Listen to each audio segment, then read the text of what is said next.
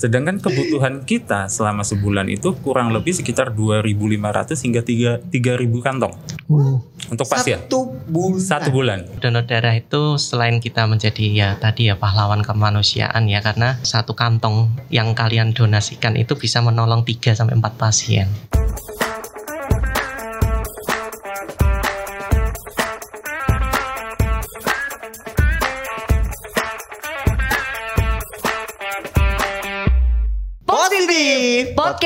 Sehat solutif. Think positif? I get more solution. Oke, ini episode perdana kita ya. Perdana di tahun 2023. 23. Pasti sudah banyak yang menantikan ya. Oke. Oke, dan ini kita ya tumben ya, kita berduet kali ini karena tim intinya Tim intinya nggak tahu ke mana. sedang karena banyak kesibukan. Banyak kesibukan. Betul. Dan uh, siang hari ini kita langsung nih Bi, kita Ya. mau uh, ngobrol-ngobrol yang belum pernah kita obrolkan tentunya di positif ya. Iya. Dan udah ada Superhero. superhero, Superhero. tentang superhero Tentang hari superhero, ini. Tentang pahlawan. Pahlawan apa? Ah, padahal udah nggak bulan November ya. Bulan November tuh hari pahlawan. Ini bulan Januari tapi tetap ya ini pahlawan yang tidak lekang oleh waktu. Nice. Yaitu pahlawan. Pahlawan kemanusiaan dengan donor darah. Oke, menjadi pahlawan kemanusiaan dengan Donor darah. udah pernah donor? Oh udah dong. Oke. Tapi nggak rutin. Oke. Kamu pernah donor? Nggak pernah. Mungkin kali ini ya setelah kita mendengarkan dan bertanya-tanya, berdiskusi, ngobrol-ngobrol dengan pakarnya mungkin tadinya yang eh, takut donor mungkin jadi berani donor Berani ya. donor. Siapa tahu ya mendapat hidayah di sini nanti. Nanti menjadi jadi rutin. Eh, gitu ya. Eh, coba ya kita lihat dulu perbincangan kita siang ini ya. Kira-kira bisa menggetarkan hati saya atau tidak? Untuk, kamu besok berbi- dari darah. Oke, siang hari kita kedatangan siapa Bi? Dokter Otnil Wendy Wahono, spesialis PK. Selamat siang dokter. Selamat Ya. siang, Mas. Selamat siang Dokter. Otniel. Di sebelah saya juga ada Dokter Mas Aditya Sena Putra spesialis patologi klinik. Selamat, selamat siang siang. Dokter. Oke. Ini masih muda-muda. Masih keren-keren ya. Keren-keren ya. Aku yang tua sendiri kenapa sih? Iya, ini juga Ya baik eh, dokter Outnil, dokter Adit nih ya. Eh, kan udah lama kerja di Mu- rumah sakit dokter Muardi di bagian apa dok?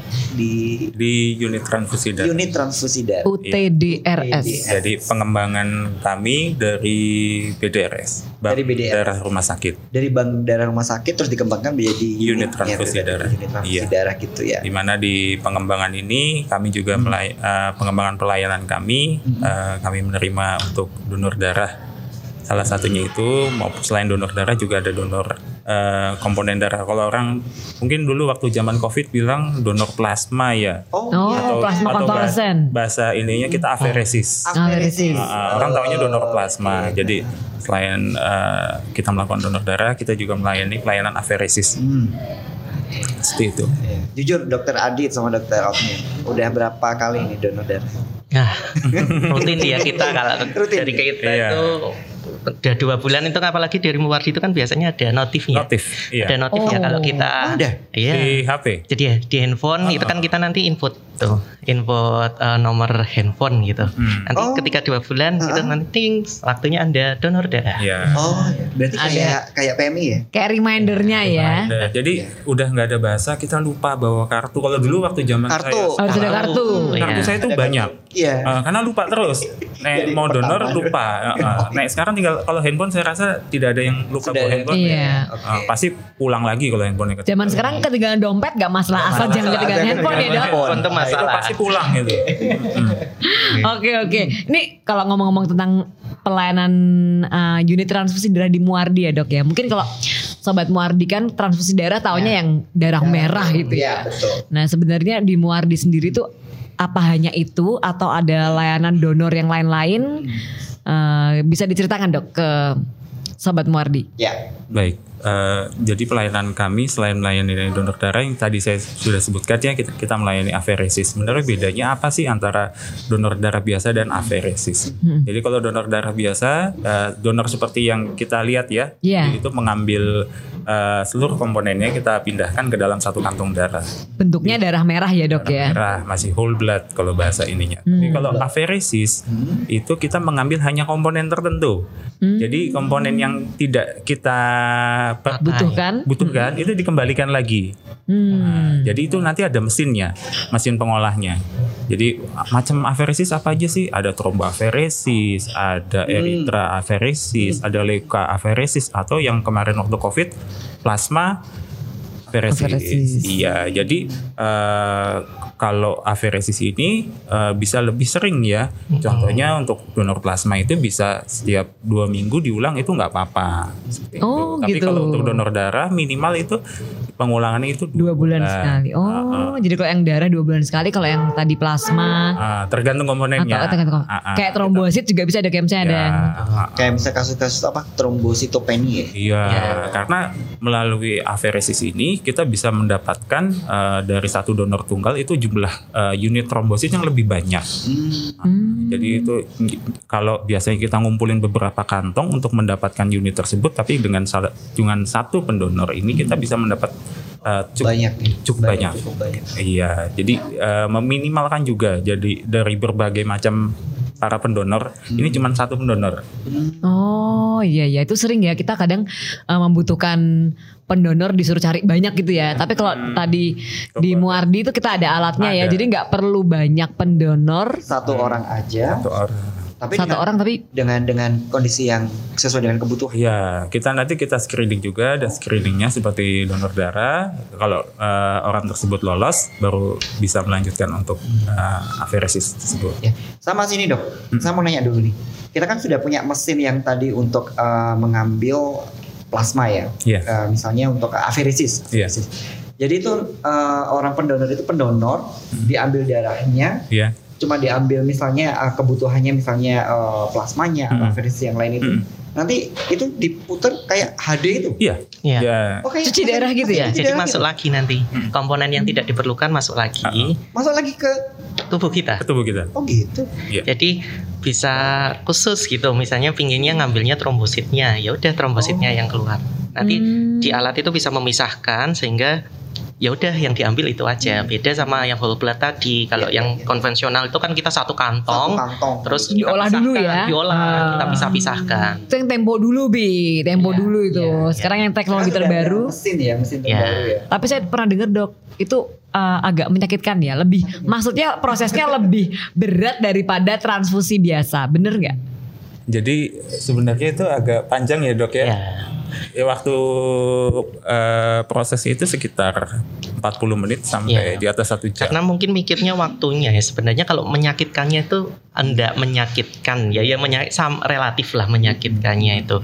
Cuma karena waktunya itu perlu memisahkan dulu. Kan beda ya. Jadi kalau Iya, kalau yang tadi kan 15 menit cukup udahlah langsung ditarik langsung semuanya diambil ya. semua kemudian eh, baru dipisahkan. Kalau ini kan dia sekalian memisahkan dikembalikan Ah. lagi. Itu yang bikin lama. Bikin lama waktunya ya. Ya, kadang. Cuma kalau di UTD kita kelihatannya nyaman ya. Nyaman. Oh, nyaman ya. Tempatnya udah nyaman. Kursinya empuk, Kursinya empuk, tempatnya dingin. Ada TV-nya. Ada oh ada TV-nya, Oh, bisa bisa sambil nonton film Oh. ya. Besok kita Oh, malah pesan keterusan. oh iya bisa. Star gitu ya. Iya. Drakor terbaru gitu. 12. Oke dok, Bisa 10 episode langsung ya. Seperti apa sih dok prosedur dan persiapan donor darah? Nah ini nih. Yang soalnya eh, biasanya kan tempat kita tuh banyak loh. Yang kita eh, program dari teman-teman Promkes itu ada eh, baksos donor darah. Banyak yang daftar, tapi juga banyak juga yang terseleksi. Tumbang. Banyak yang tumbang. banyak yang tumbang maksudnya terseleksi gitu loh nggak boleh gitu loh jadi persiapan apa sih eh, atau prosedur prosedur untuk donor darah tersebut Terus bisa nggak mendeteksi sendiri? Hmm. Nah, Baik. Eh, jadi panduan kita sebelum donor darah yang jelas waktu saat donor darah itu nanti akan dilakukan screening ya. Yang Hmm. screening biasanya yang melakukan screening itu nanti kita ada dokter di unit transfusi darah nanti akan ada eh, ada sedikit tanya jawab lah oleh dari dokter tersebut untuk menyatakan bahwa orang tersebut ini dalam kondisi sehat atau tidak. Selain itu persiapan-persiapan apa saja gitu. Kalau tadi kalau diet khusus pasti tidak, tapi sebaiknya makan makannya itu jangan yang terlalu berlemak lah gitu loh. Hmm. Jangan yang berlebihan Betul. makannya itu. Kemudian terus minumnya juga harus lebih banyak ya. Sebelum kita donor, kita minum yang agak banyak. Kemudian tidur.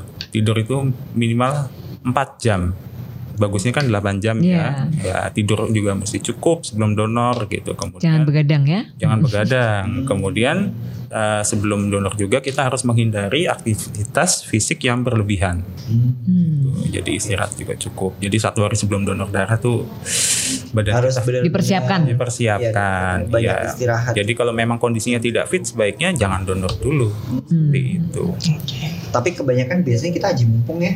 Dalam artian aji mumpung gini, ada baksos, ayo udah kita donor aja. Spontan, spontanitas. Kalian ya. tahu untuk mengetahui kondisi kita gimana. Eh, Iya. Sebenarnya ya niatnya berarti bukan donor, niatnya mau medical check up ala-ala Medical gitu check ya. up ala-ala. iya kalau boleh tahu nih dok syaratnya apa aja sih dok? Misalnya tekanan darah atau apa atau Ya. apa yang kira-kira tiba-tiba kok habis screening, oh anda gagal nih nggak bisa ikut ya. Itu biasanya kebanyakan kenapa dok? Kebanyakan HB tinggi, udah. Iya, betul. Ini perlu Salah satunya itu. Salah satunya. Ya. apa Umur dok dulu. syaratnya dok? Oke Pertama, umur dulu. Usia usia di atas 17 tahun. Oh di atas 17 tahun. Eh, karena ya kalau udah dewasa itu semua udah ma- eh, metabolisme udah oke semua ya. Oke. Jadi memang disarankan lebih dari 17 tahun. Kemudian boleh sih kalau lebih dari 60 yang geriatri, maksudnya yang tua-tua Mm-mm. seperti itu. Tapi dengan pantauan khusus, jadi harus Hmm. atas keputusan eh, si dokternya seperti Oke. itu. Jadi ini layak untuk boleh donor atau tidak. Ya. Kemudian HB biasa Ya, ya.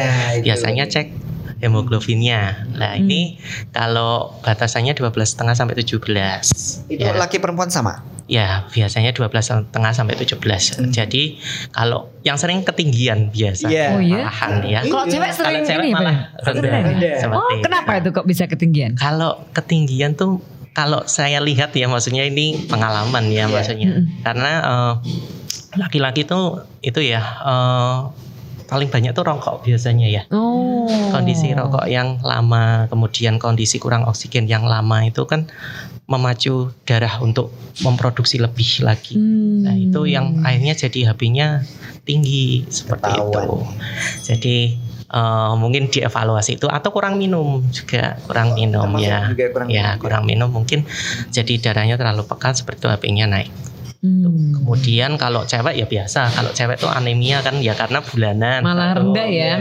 bulanan, kemudian menstruasi seperti itu, kemudian makannya juga kadang ya cewek diet-diet seperti Hmm. itu, itu nutrisi itu kan penting ya untuk tubuh kita. Jadi cenderungnya anemia kalau cewek itu salah satunya. Kemudian macam-macam sebenarnya masih ada screening biasanya kita dikasih eh, apa suatu form gitu ya form eh, untuk screening misalnya udah ada eh, pernah sakit sebelumnya berapa lama seperti itu Sakit apa nih dok? Misalnya nggak boleh. yang sering ya mungkin flu seperti itu Oke, lagi ya. flu nggak bisa Lagi ya. nggak bisa ya jadi harus dua minggu tanpa gejala dulu Oke. jadi harus benar-benar clear eh, ya eh, eh, karena emang harapannya kan kita mendonorkan darah itu kan disumbangkan ya Mm. disumbangkan ke orang supaya orangnya tuh juga safe Sehat juga. sehat juga Hmm. jadi harus terhindar dari berbagai macam infeksi lah nanti kita ada screeningnya juga macam-macam sebenarnya Berarti selektif banget ya. selektif Selektif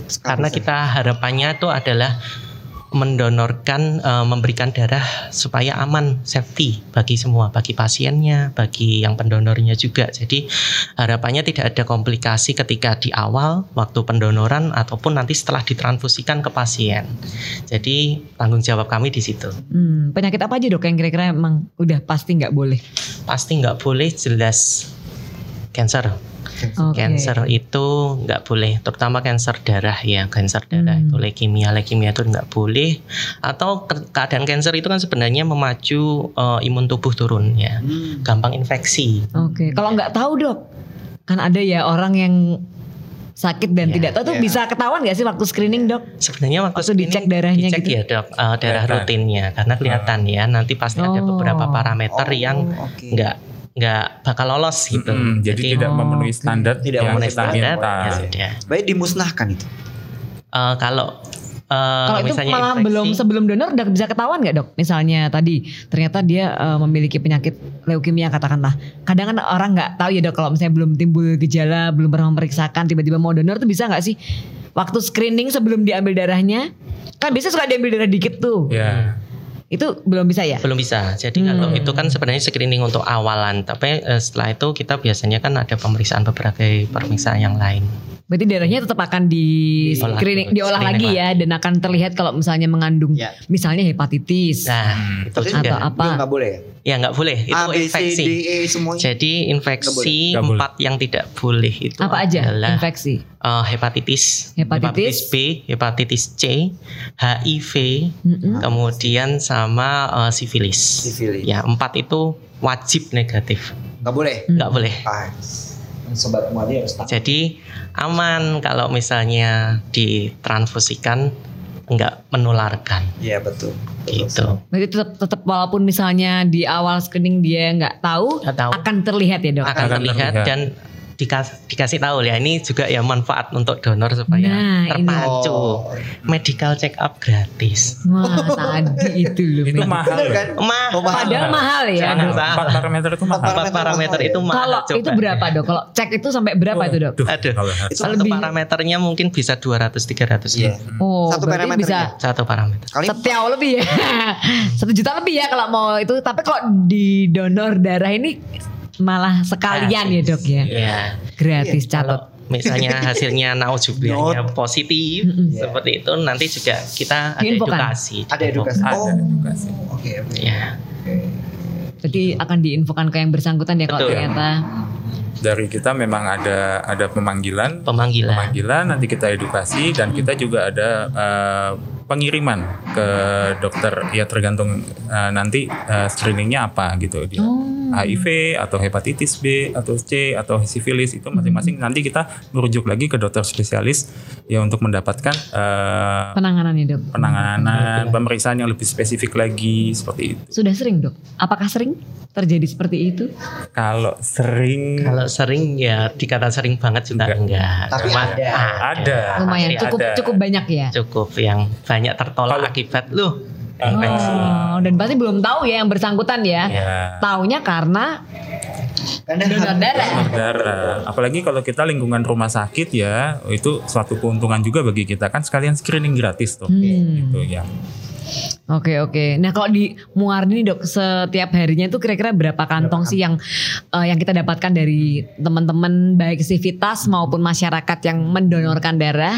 Berapa yang masuk? Kemudian berapa sih yang dibutuhkan biasanya di pasien di Muardi sendiri? Karena UTDRS ini khusus untuk internal ya dok ya, internal rumah sakit Muardi. Jadi pasien yang ada di dirawat di rumah sakit Muardi yang membutuhkan darah itu pasti akan diprioritaskan. Diprioritaskan. Nah itu biasanya masuk keluar itu kira-kira berapa sih dok? Baik. Eh, jadi eh, kalau harian memang untuk UTDRS kita masih belum banyak ya, Mbak Meria. Hmm. Makanya melalui podcast ini saya harap nanti minat para pendonor dari Civitas Langsung join. Italia maupun dari apa lingkungan sekitar juga Hmm. kami menerima gitu loh untuk donor darah. Jadi memang masih belum banyak. Kira-kira masih di bawah 100 lah sebulannya itu. Oh sebulan masih di bawah Masih 100 di bawah berarti 100. belum ada gong ya Mbak Mary. Iya, Iya, masih iya, belum. Sedangkan Padahal pegawainya banyak banget ya Ah. Muardi. Pegawai kita takut semua. ini harus nonton nonton podcast berarti ini. Iya. Sedangkan kebutuhan kita selama sebulan itu kurang lebih sekitar 2.500 hingga 3 3.000 kantong Uh. untuk pasien. Satu bulan. Satu bulan untuk 2000 kantong. sekitar 2.500 hingga 3.000 kantong. Padahal yang sering masuk rata-rata se- tadi berapa dok? Ya. Cuman- oh, pendonornya. Iya. Donornya cuma Itu 100 kurang ada 100 kurang. ya? 100 kurang. Ah, Padahal makanya- kebutuhannya 2000. 2000. Masih Bah. kurang banyak kita. Sedangkan darah-darah segar ya banyak yang banyak kita perlukan ya khususnya untuk di rumah sakit Muardi banyak dipakai untuk pasien-pasien gagal ginjal ya untuk pasien apa untuk bayi itu banyak memakai untuk darah-darah segar yang itu karena itu kami tuh sangat-sangat butuh Dalam artian darah segar itu dokter apakah eh, langsung dari pendonornya langsung berapa menit sebelum Oh, diberikan? kalau menit sih enggak, Pak. Biasa Oh ada ada alat untuk menyimpan ya dok? ya ada penyimpanan tapi biasanya ya diutamakan ya di bawah 5 sampai 7 hari itu yang masih Hmm. Di bawah 5 sampai 7 hari Iya, eh, itu bisa dipakai ya. Iya. Lewat dari itu juga masih bisa dipakai, Pak. Oh, Mas. lewat dari itu masih bisa, Bisa. dipakai. Umur darah sekitar sampai 35 hari. Oke, saya dipanggil Umur Pak. lebih. Oh, iya. Nggak apa-apa, saya dipanggil Pak. Oh iya. Oh. Mas. Besok semir semir merah kayak apa gitu Ya, ya? apa-apa, saya bisa dipanggil Pak. Oke dok, dok kalau ini ya, ini semoga saya sendiri juga agak tergerak nih sekarang. Oh ternyata kebutuhan kita tuh segitu banyaknya ya, dan ternyata peminat donor itu sangat minim, mas. Melihat sebenarnya civitas kita aja udah berapa ribu orang, tapi ternyata sebulan cuman 100 ya. Ini cukup memprihatinkan, memprihatinkan ya. Eh, semoga eh, setelah ini ya, setelah ini banyak teman-teman Tergugah. tergugah untuk menjadi pahlawan tadi ya, menjadi pahlawan kemanusiaan gitu ya. Karena eh, tadi udah diceritakan ya manfaatnya nggak cuman untuk si penerima donor Tapi kita sebagai pendonor juga banyak gitu. Kita juga MCO gratis tadi. betul Kita udah tahu kondisi kita kan gitu kan. sirkulasi darah lancar dan Betul. diet diet tuh catat Ah, ah. Sama satu lagi pahala. Oh, iya. oh ini Paling yang penting itu ini Dapat yang pahala. sangu ke surganya itu loh Iya. itu sangat nah ini kalau yang sudah eh, muncul minat-minat wah kayaknya pengen nyoba nih Iya. apalagi yang memang sebenarnya kalau yang udah donor rutin sih is okay ya Oke, tinggal datang aja. tantangannya itu adalah saya percaya lebih banyak orang yang belum pernah donor ya. Kalau yang udah kayaknya ketagihan mungkin ya, karena tahu manfaatnya tadi ya. Habis donor mungkin badannya lebih enakan. Nah, Ya betul betul. ini challenge-nya adalah untuk seperti saya ini ya, yang Belum. pengen tok gitu ya. Tapi nyalinya belum berani gitu ya. Tapi karena sudah mendengarkan penjelasan uh, beliau berdua ini, Harus apalagi tadi ya, dicoba. Jadi kayaknya harus. Jadi gini Mbak Mary pernah ada kejadian dari salah satu testimoni pendonor kita awalnya eh, pendonor ini itu sering eh, HB-nya itu nggak lolos, HB-nya itu sering rendah. Nah begitu eh, pendonor ini rutin, pendonor itu malah HB-nya malah bagus. Setiap dua bulan pendonor ini malah stabil Bagus. Oh, HB-nya, malah stabil. malah stabil. Jadi bukan HB-nya cek cek Oke. Oh, masuk dong, masuk. masuk ya, Masuk, tetap ya, iya. Jadi bukan HB-nya malah ini malah bagus, malah stabil. Oke, oke, oke, Ya, oke. Jadi itu Ya karena memacu itu ya regenerasi ya kan Regenerasi. karena kita kan ngambil ya ngambil darah maka tubuh kita akan Memproduksi ya, kan, otomatis memproduksi. jadi per- eh, pembaruan sel-sel darah baru lah itu kan eh, bagus banget ya maksudnya untuk eh, metabolisme kita kemudian ya segala macam ya tadi ya contohnya bisa menyegah, eh, mencegah jantung itu juga ya Penyakit dan jantung penyakit ya. jantung itu Hmm. eh, penelitian sudah ada dari Amerika itu bahwa sekitar 88% ya kalau misalnya minimal setahun itu sekali seperti itu eh, untuk donor darah ya Hmm. rutin apalagi lebih sering ya itu menurunkan resiko penyakit jantung. Nah, oke ini udah banyak manfaatnya. Berarti kalau sudah punya niat tinggal daftar. Nah, alurnya gimana dok kalau mau donor di Muardi dok? Baik, eh, kalau alurnya kita sekarang sudah makin mudah ya. Jadi eh, pendonor itu bisa mendaftar di website. Websitenya itu donor kecil semua ya, Bisa dilihat di sini. donor.rsmuardi.com. Nanti mungkin bisa ditampilkan ya. Bisa ditampilkan. Donor.rsmuardi.com. Dot Dot com. com. Oh, Oke, Ah, sama jadi- coba. Ah, ah, jadi kalau zaman dulu kan kita suka ngisi-ngisi manual ya. Oke, sekarang kita udah pakai HP aja, tinggal ngisi. Oh, udah bisa. Sudah bisa pakai HP aja. Oh. Oke, Jadi habis mempermudah. ngisi-ngisi ngisi-ngisi, Habis kemudian ngisi semua, submit. Oke, submit. Nanti datang ke unit transfusi darah. Nanti ketemu dengan petugas kami di sana kita lakukan apa? Pemeriksaan. Screening. Screening Screening tadi tanda-tanda vital, HB dan golongan darah. Nah, setelah nanti screeningnya lolos, nah pendonor bisa langsung masuk lanjut ke ruang aftap. Nah, nanti di situ baru ter- eh, kita ambil darahnya, proses pengambilan darah Di mana itu dok? di UTD kami. Di mana tempatnya dok? Oh, kalau tempatnya Di? itu di lantai dua.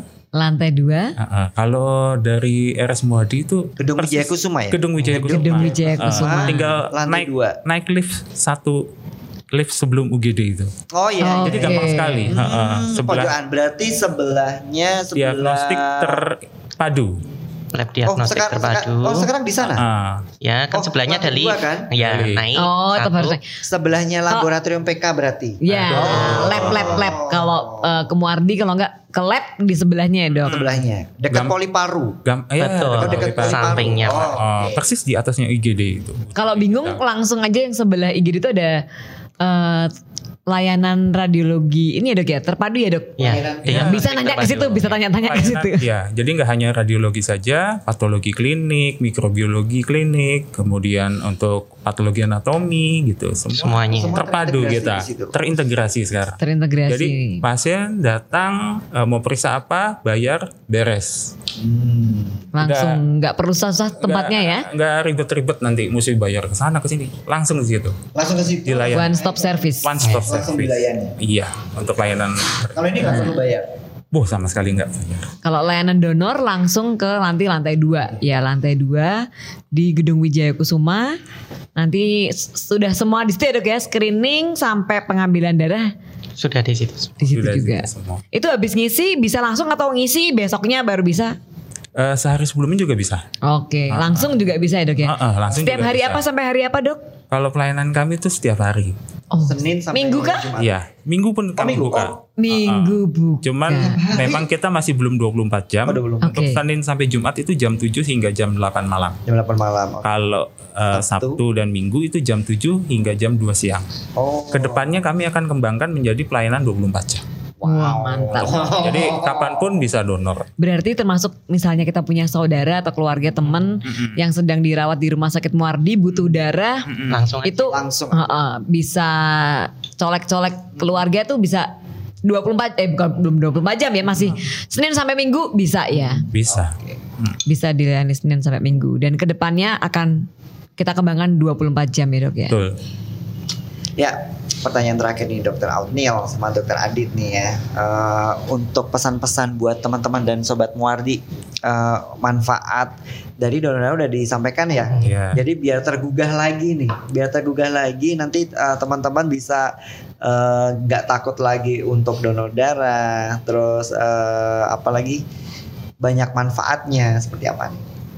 Oke ya. Untuk eh, saran-sarannya. Ya saran-sarannya ya eh, jangan takut lah ya untuk eh, donor darah. Jangan takutnya loh, jangan takut. Jangan Jangan takut iya. ya eh, Jangan takut. tadi ya eh, donor darah itu selain kita menjadi ya tadi ya pahlawan kemanusiaan ya karena jujur eh, banyak sekali eh, pasien-pasien yang membutuhkan darah ya jadi kasus-kasus yang benar-benar bergantung ya untuk eh, transfusi darah itu memang sangat membutuhkan sehingga satu eh, anggapannya itu satu eh, satu kantong yang kalian donasikan itu bisa menolong 3 sampai 4 pasien Oh. ya jadi Satu kolom itu Ya satu itu bisa meno- menolong nyawa ya. Jadi karena kan banyak komponen yang di dalamnya. Anggapannya seperti itu. Jadi ini ya nggak bermanfaat, eh, nggak cuma bermanfaat untuk kita aja, maksudnya untuk eh, bagi pendonornya, tapi ini benar-benar untuk kemanusiaan kita. Jadi ya selain dapat benefit untuk diri sendiri, eh, untuk ke kemanusiaan juga ada. Jadi dapat dua-duanya lah mantap. gitu. Mantap. Ada kalau dokter Otnyo. Nah, ini Kalau dari saya dari dokter. udah kayaknya udah dipaparkan semua Udah ya. dengan dokter Adit itu jadi jangan takut untuk donor darah. Jadi setiap eh, SDM kami juga kami sudah latih untuk mengambil Betul. Darahnya. Jadi jangan takut wah nanti nih sakit nggak? gitu. Nyeri gitu. Nyeri. Eh, nyublesnya bener apa enggak? Itu kami sudah latih semua. Sudah jadi latih biar Profesional nyaman, ya, Dok? Profesional. Jadi para pendonor bisa nyaman. Jadi nggak usah takut untuk donor darah. Karena manfaatnya banyak banget. Iya sekali. Jangan takut dan sekarang sudah dipermudah. Betul. Ah, Dipermudah Dan jadi dan nggak akan lupa Mbak Mary sekarang itu kan WA Oh, iya. ada Oh, iya. notifikasi Ada dari notifikasi. Sudah notifikasi. tercatat ya akan diingatkan terus. Yang dua bulan ya. siap Ya. dua bulan. Bulan. Heeh. Dulu uh, waktu dulu saya dapat informasinya tiap tiga bulan. Tiga bulan. Tiap tiga Iya. bulan. Heeh, Tapi sekarang dua update bulan. Dua bulan. Dua bulan. Boleh. Oke. Heeh. Oke, siap. Ya baik, eh, Mei ini berarti sudah eh, lengkap sudah ya. Kita sudah menggali banyak informasi dari Dokter Ani sama Dokter Adit dan untuk sobat Muardi tentunya jangan lupa ini ya eh, untuk selalu menyaksikan eh, positif di mana aja nih Mei. Eh, di YouTube ya yang paling utama, kemudian di Di YouTube, Spotify, di Spotify, eh, di apa lagi nih, Mbak Meta? di Instagram juga ada ya. Oke, Instagram juga ada tapi di di Apple juga ada ya? ada ya. Nah, eh, coba deh ini ketik-ketik eh, positif ya podcast sehat. Solutif. Jangan lupa subscribe, like, like komen dan dan Share. share buat teman-teman yang lain tentunya nanti masih banyak lagi uh, untuk uh, materi-materi ke depannya akan lebih seru lagi dan kita mengucapkan banyak terima kasih sama Dr. Outnil Dr. Adit terima kasih dong. sudah Sama-sama. meluangkan waktunya buat kita semuanya Sama-sama. ini ada ilmu yang bermanfaat bagi kita semuanya ya dok ya terima kasih pokoknya uh, pokoknya uh, besok kalau misalnya ada uh, podcast lagi dan tentunya dengan materi yang berbeda kita undang lagi Baik. Iya. Nanti kayak perlu dikasih reward juga tuh teman-teman yang Ah. rajin donor darah ya. yes kita undang Oke, udah. Biar viral ya. Baik teman Wardi, berarti demikian sudah uh, untuk acara podcast hari ini. Sampai ketemu di podcast selanjutnya. Oke. Positif, Podcast sehat solutif think positif. and get more solution. Terima Dadah. kasih. Yo, dadah.